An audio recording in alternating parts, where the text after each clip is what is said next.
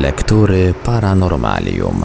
Dziś w Radiu Paranormalium zaprezentujemy fragment książki, która na pewno spodoba się osobom zainteresowanym tematyką doświadczeń z pogranicza śmierci, życia po życiu i reinkarnacji. Będzie to wydana w 1982 roku książka Leszka Szumana Życie po śmierci. Książkę tę na naszej antenie prezentujemy w odcinkach w całości.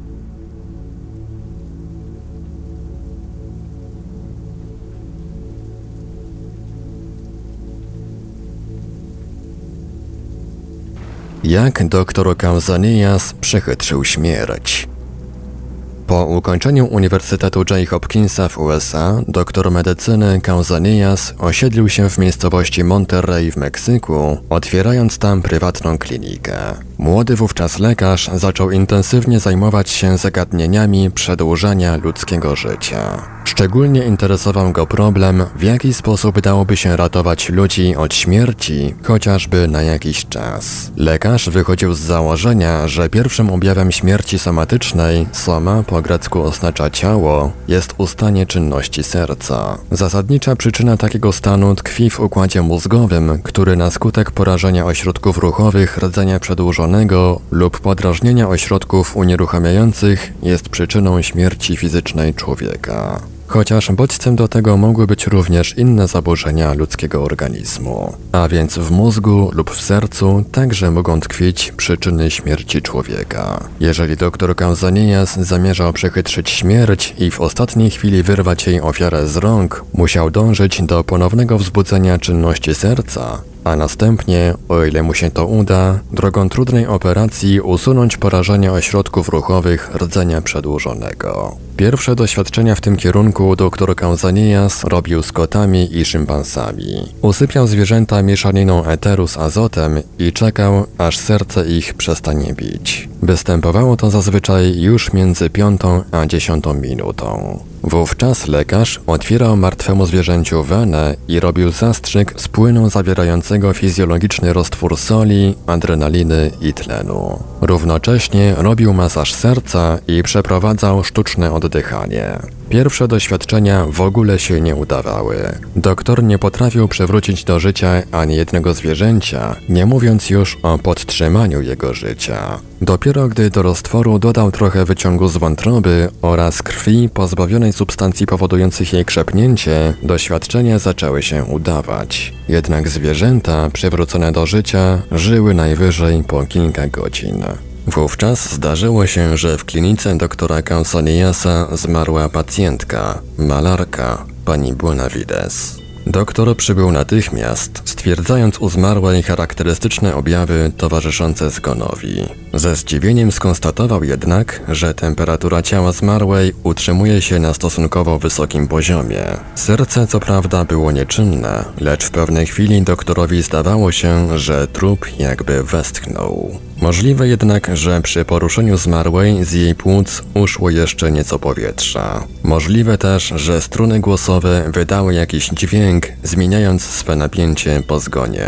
W każdym razie dr Kamzanias postanowił zaaplikować zmarłej zastrzyk z poprzednio wymienionej mieszanki. Po iniekcji starał się równocześnie przez dłuższy czas przywrócić pacjentkę do życia poprzez masaż serca i sztuczne oddychanie. Po jakimś czasie serce zaczęło pracę, a chora poruszyła lekko wargami, jakby chciała coś powiedzieć, ale tylko ciężko westchnęła. Po chwili zaczęła szeptać niezrozumiałe słowa, co było dowodem, że nie tylko serce, lecz i mózg zaczyna pracować. Doktor Kauzanias pochylił się nad pacjentką, aby móc lepiej zrozumieć jej szept. Byłam w nieznanej mi krainie, mówiła pani Buenavides jakby we śnie.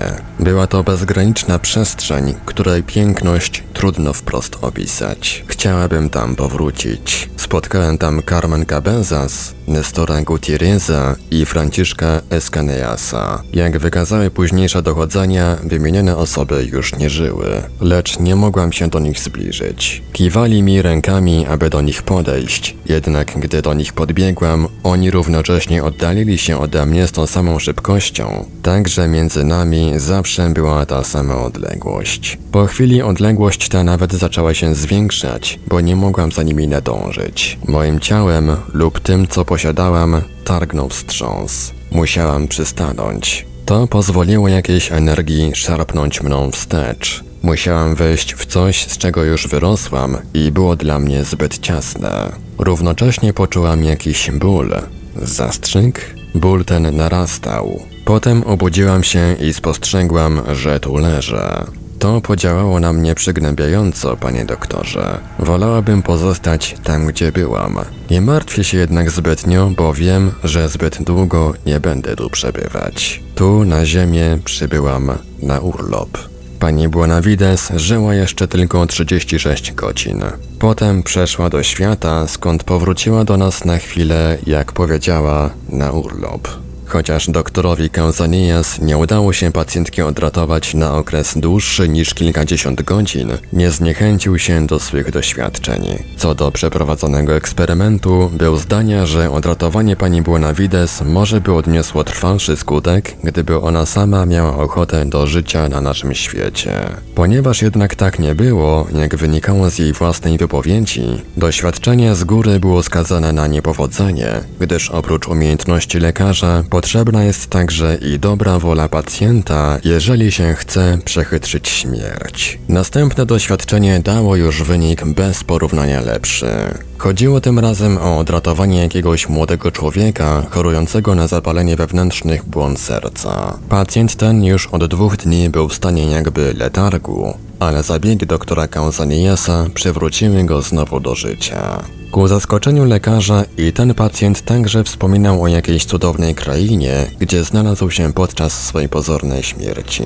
Także i on napotkał tam osoby znajome, dawno już nieżyjące.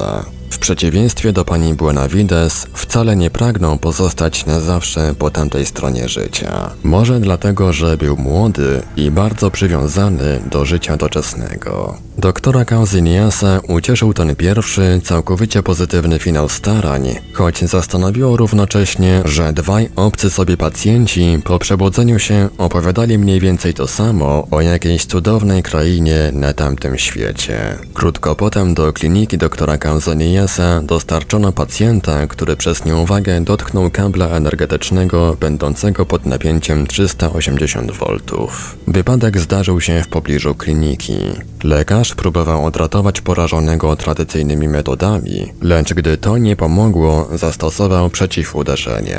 Umieścił jedną elektrodę na piersiach porażonego, a drugą na jego plecach i włączył prąd o natężeniu kilku amperów. Po trzech godzinach chory został odratowany i odzyskał przytomność. Wówczas lekarz przypomniał sobie, co opowiadali mu o tamtym świecie dwaj poprzedni pacjenci. Spytał więc elektryka o jego przeżycia i wrażenia z tamtego świata. Kiedy dotknąłem przewodu wysokiego napięcia, zaczął Monter, w głowie zabłysła mi jaskrawa błyskawica. Moja głowa zdawała się palić. Gdy to minęło, pomyślałem, nie chcę umierać. I wówczas przewinęły się przed oczami mojej duszy już teraz nie wiem równocześnie czy kolejno obrazy z mego życia. Wszystko to, co minęło, przeżyłem powtórnie. Szedłem więc do kościoła z moją żoną. Ona miała na sobie ślubną suknię i to był dzień naszego wesela. Równocześnie wiosłowałem po rzece Rio Grande. Żona moja była jeszcze panną i nazywała się Seniorita Perez. Przed kilkoma dniami zaręczyłem się z nią. W tej samej chwili siedziałem na mule i jechałem do Villanueva. Naprzeciw mnie ukazała się ciężarówka i o mały włos mnie nie przejechała. Jeszcze nie ochłonąłem z przerażenia, gdy mój stary nauczyciel spuścił Milanie, bo Juanowi Alvarezowi zrobiłem dziurę w głowie, rzucając do niego kamieniem. Wyciągnąłem rękę do przechodzącego gringo, aby mi dał parę centów. Siedziałem wówczas na kamiennych schodkach rodzinnego domku w Cardona. Miałem około czterech lat. Najciekawsze, że wrażenie błyskawicy oraz myśli, iż nie chcę umierać i szczegóły z mojej młodości prawie że równocześnie stanęły mi w pamięci. I wówczas zdarzyło się coś bardzo dziwnego. Zaczęło mi się wydawać, że wypadek z prądem wysokiego napięcia był tylko snem. Nagle znalazłem się w domu z żoną i dziećmi. Mówiłem do nich, lecz oni zdaje się mnie nie rozumieli. W każdym razie nie tylko, że nikt mi nie odpowiedział, ale wręcz zignorowano moją osobę, jakby mnie nie było. To mnie oczywiście zirytowało. Zmiotłem więc wszystkie talerze ze stołu, tak że spadły na podłogę, po czym zerwałem obraz ze ściany i poszedłem sobie. Przyszedłem tu i nagle stanąłem obok siebie. Zobaczyłem siebie na stole operacyjnym. Ogarnęło mnie przerażenie, z którego się przebudziłem. Był to brzydki sen. Doktor Kauzanias, który jak wiemy słyszał już relacje z tamtego świata od dwóch innych pacjentów, a także był oczytany w literaturze z zakresu parapsychologii, wcale nie został przekonany o tym, że to, co opowiadał elektryk, było zwykłym snem. Oczywiście ktoś nieobyty ze spirytyzmem mógł przeżycia elektryka uważać za sen, który mógł powstać wskutek błędnych sprzężeń w mózgu spowodowanych przerwą w dopływie krwi, co wywołało niewłaściwe odżywianie się komórek komórek mózgowych. To znów mogło być przyczyną nienormalnego funkcjonowania mózgu. Takie mniej więcej byłoby wytłumaczenie psychobiologiczne tego wypadku.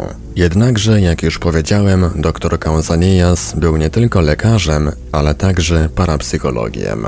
Nie mógł więc w żaden sposób uwierzyć, że zatknięcie się elektryka z tamtym światem, co nie podlegało dyskusji, było tylko skutkiem wadliwego funkcjonowania komórek mózgowych. W jaki sposób jednak można byłoby stwierdzić i udowodnić, że nie był to sen, lecz fakt? Chyba dałoby się to udowodnić. Przecież pacjent wspominał o tym, że żona i dzieci nie zwróciły na niego uwagi, co go tak zirytowało, że zrzucił na podłogę talerze ze stołu i obraz ze ściany. Tu więc był punkt zaczepienia. Rodzina mogła go nie zauważyć, ponieważ udał się do swojego mieszkania nie w swym ciele fizycznym, lecz poszło tam jego ciało astralne. On sam w ogóle nie zdawał sobie sprawy z tego, że już nie żyje, jak to się często zdarza w wypadkach nagłej, gwałtownej śmierci.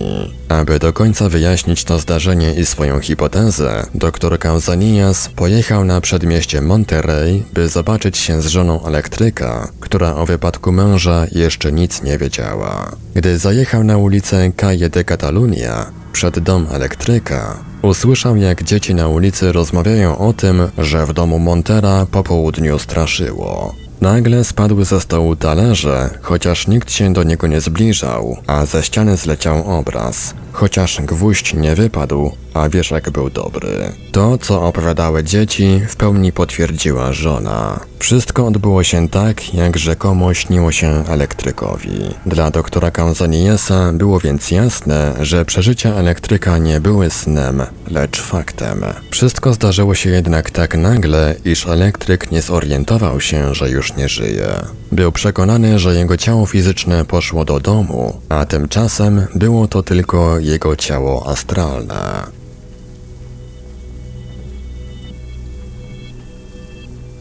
Historia człowieka, który zmarł trzy razy. Historia Japończyka Iwao Ishiwata była i jest zagadkowa. Podczas nalotu lotniczego na Kobe w czasie ostatniej wojny został on zasypany pod gruzami zburzonego budynku. Kiedy po kilku godzinach wydobyto go na powierzchnię, jego serce biło już bardzo słabo. Natychmiast zabrano go więc do szpitala i umieszczono na stole operacyjnym. Miał wgniecioną w dwóch miejscach czaszkę i kilka ran ciętych na całym ciele od odłamków bomby. Poza tym niebezpieczne uszkodzenie kręgosłupa. Lekarze byli zdania, że jeżeli uda się go uratować, to i tak na całe życie pozostanie kaleką. Na przekór tym prognozom, odporny organizm Japończyka pozwolił mu nie tylko przetrzymać operację, lecz także szybko powrócić do zdrowia. Wypadek pozostawił jednak ślady. Usposobienie poszkodowanego uległo znacznej zmianie. Co się z nim stało? Gdy ktoś chciał z nim porozmawiać o przyczynie tak radykalnej zmiany jego sposobu życia, młody człowiek nie odpowiadał, unikając starannie we wszelkich rozmowach tego tematu. Nie reagował nawet na pytania ojca, co w Japonii uchodzi za szczyt braku dobrego wychowania. Kiedyś jednak zdecydował się poruszyć ten temat i porozmawiać o zagadnieniach, które nie dawały mu spokoju. Jako powiernika swej tajemnicy wybrał misjonarza, który go nawrócił na religię katolicką. To, co powiedział młody Japończyk, jest bodajże najciekawszym sprawozdaniem, jakie człowiek żyjący na Ziemi mógł wygłosić. Kiedy spadła bomba, a mnie zasypały gruzy budynku, byłem bliżej śmierci niż życia. Ogarnął mnie przeraźliwy strach, jednak nie był to strach przed śmiercią, lecz cierpieniem przed konaniem. Strach mój był tak wielki, że zacząłem krzyczeć. Nie wiem, czy mnie ktoś usłyszał. A w ogóle może tylko chciałem krzyczeć i nie wiadomo, czy mogłem. W każdym razie wydawało mi się, że krzyczałem tak długo, aż ogarnęło mnie uczucie, jakbym wystąpił z mego ciała fizycznego. Zdawało mi się, że nagle znalazłem się w jakimś pomieszczeniu, gdzie było zupełnie jasno, chociaż nigdzie nie mogłem dostrzec ani okna, ani żadnego otworu w ścianach. Światłość ta była jaśniejsza niż blask słońca, a mimo to łagodna i przyjemna. Światło to nie raziło w oczy, nie paliło i nie grzało. Co najdziwniejsze, pomieszczenie, o którym wspomniałem, nie było właściwie żadnym pomieszczeniem, przynajmniej w naszym ziemskim znaczeniu. Było ono niczym nieograniczone, chociaż miałem wrażenie, że znajduję się w pomieszczeniu. Próbowałem zastanowić się, gdzie jestem, gdzie znajduje się pomieszczenie, w którym jestem i jak się tutaj dostałem. Te bezowocne myśli były stale zakłócone przez obrazy i refleksje z mojej własnej przeszłości, występujące z niebywałą precyzją. Przed moimi oczami przesuwały się sceny tak wyraźnie i wyraziście, jakbym je przeżywał przed chwilą. Nagle chwyciła mnie jakaś obca istota wyglądająca jak człowiek. Była ona jakaś mglista i świetlista, po prostu nieziemska. Istota ta mogła także przenikać przez wszystko bez przeszkód. Takie w każdym razie odnosiłem wrażenie. Zdawało mi się, że owa istota mogła także wtargnąć we mnie i mnie przeniknąć. Postać ta sięgnęła po mnie, lecz nie był to gest wrogi. Przeciwnie, raczej zamierzała mi pomóc, tak wyczuwałem, abym oderwał się od czegoś, co mnie przygniata i więzi. Po chwili do tej istoty przyłączyły się inne, podobne, które zdawały się przybywać z bezmiernej dali owego pomieszczenia. Wówczas dopiero zdałem sobie sprawę z tego, że już nie żyję i że owe istoty zamierzają mi ułatwić przejście na tamten świat. Jak doszedłem do tego wniosku, nie wiem. Chyba po prostu nagle zdałem sobie z tego sprawę. Myślę, że idea ta przenikała mnie na drodze telepatycznej, że podały mi ją owe istoty. Lecz nagle owe nieziemskie istoty ustąpiły. Posłyszałem głosy ludzkie, szeptem wypowiadane polecenia. Starałem się zrozumieć, o czym do mnie mówiono, kiedy ja przecież byłem martwy. Zrozumiałem tylko słowo strzykawka. Kiedy dostałem zastrzyk, zorientowałem się, że wcale nie jestem trupem. Uczucie posiadania ciała, które na jakiś czas utraciłem, znów powróciło, a wraz z nim pojawił się ból. Byłem znowu na ziemi i żyłem. Czułem znowu bicie swego serca i znów byłem ziemskim człowiekiem. Tych przejść nie mogę zapomnieć. Ciągle we mnie tkwią. Wystarczy, że zamknę oczy, a już mam przed sobą owe widzenia. Czasem też zdaje mi się, że wszystko to mi się jedynie przyśniło, ale przecież takich snów nikt nie miewa. Ja to wszystko rzeczywiście widziałem i przeżyłem. Chwilami odnoszę z kolei wrażenie, jakbym już nie należał do tego świata, lecz do tamtego, skąd pozwolono mi wrócić, abym pozałatwiał tu moje sprawy, nim mnie tam definitywnie przyjmą do swego grona. Misjonarz wypowiedź młodego Japończyka przekazał lekarzom, którzy go leczyli, gdy był ranny. Ci byli jednak zdania, że owo dziwne pomieszczenie oraz mgliste postacie widziane przez rannego to zwykła halucynacja spowodowana zasypianiem, zaś bezpośrednią przyczyną były jakieś refleksy świetlne, strach przed śmiercią oraz niepewność co do losu i możliwości uratowania się. Jego zgnębiony strachem i bólem mózg mamił go różnymi widziadłami. Lekarze w pewnym sensie mogli mieć rację, chociaż znacznie więcej argumentów przemawiało przeciw takiej interpretacji. Jednak na razie wstrzymajmy się z osądem i prześledźmy dalszy ciąg wypadków. Iwao Ishiwata ożenił się po roku i wydawało się, że zapomniał o swoich przejściach, choć dokuczały mu skutki kontuzji. Siedem miesięcy po ślubie Japończyk zmarł wskutek szeregu różnych uszkodzeń ciała odniesionych podczas nalotu lotniczego na Kobe. Nadwyrężone zostały bowiem wtedy jego serce i system nerwowy. Gdy jednak rodzina zabrała się do pochówku nieboszczyka, ten ożył. Sprowadzony natychmiast lekarz stwierdził, że Iwao zapadł w letargę. Chorego zabrano do szpitala, skąd po trzech tygodniach powrócił zupełnie zdrowy. Także i teraz młody człowiek opowiadał o człowiekokształtnych istotach otaczających go podczas letargu. Rozmawiały z nim, przekazując swe myśli telepatycznie. Japończyk podkreślał, iż w owej przestrzeni, gdzie przebywał, kiedy jego duch był na ziemi nieobecny, miał uczucie szczęścia i bezpieczeństwa.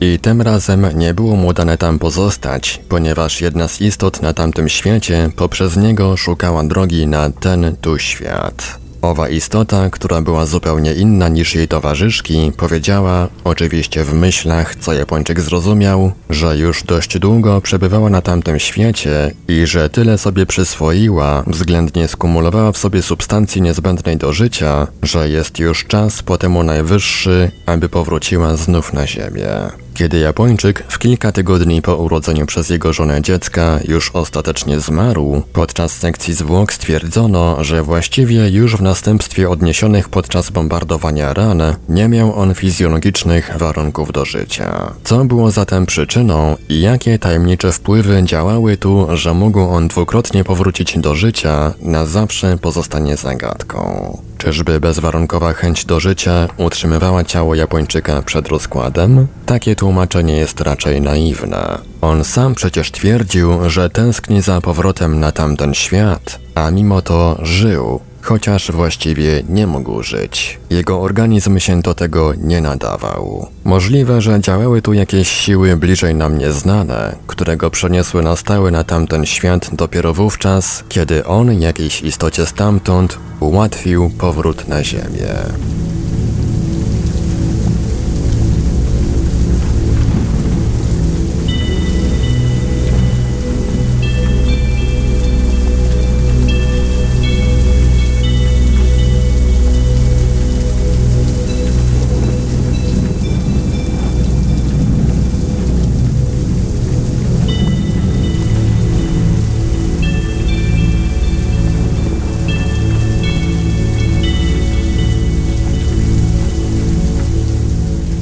Radiu Paranormalium zaprezentowaliśmy fragment wydanej w 1982 roku książki Leszka Szumana Życie po śmierci. Dalszy ciąg w kolejnym odcinku Lektur Paranormalium.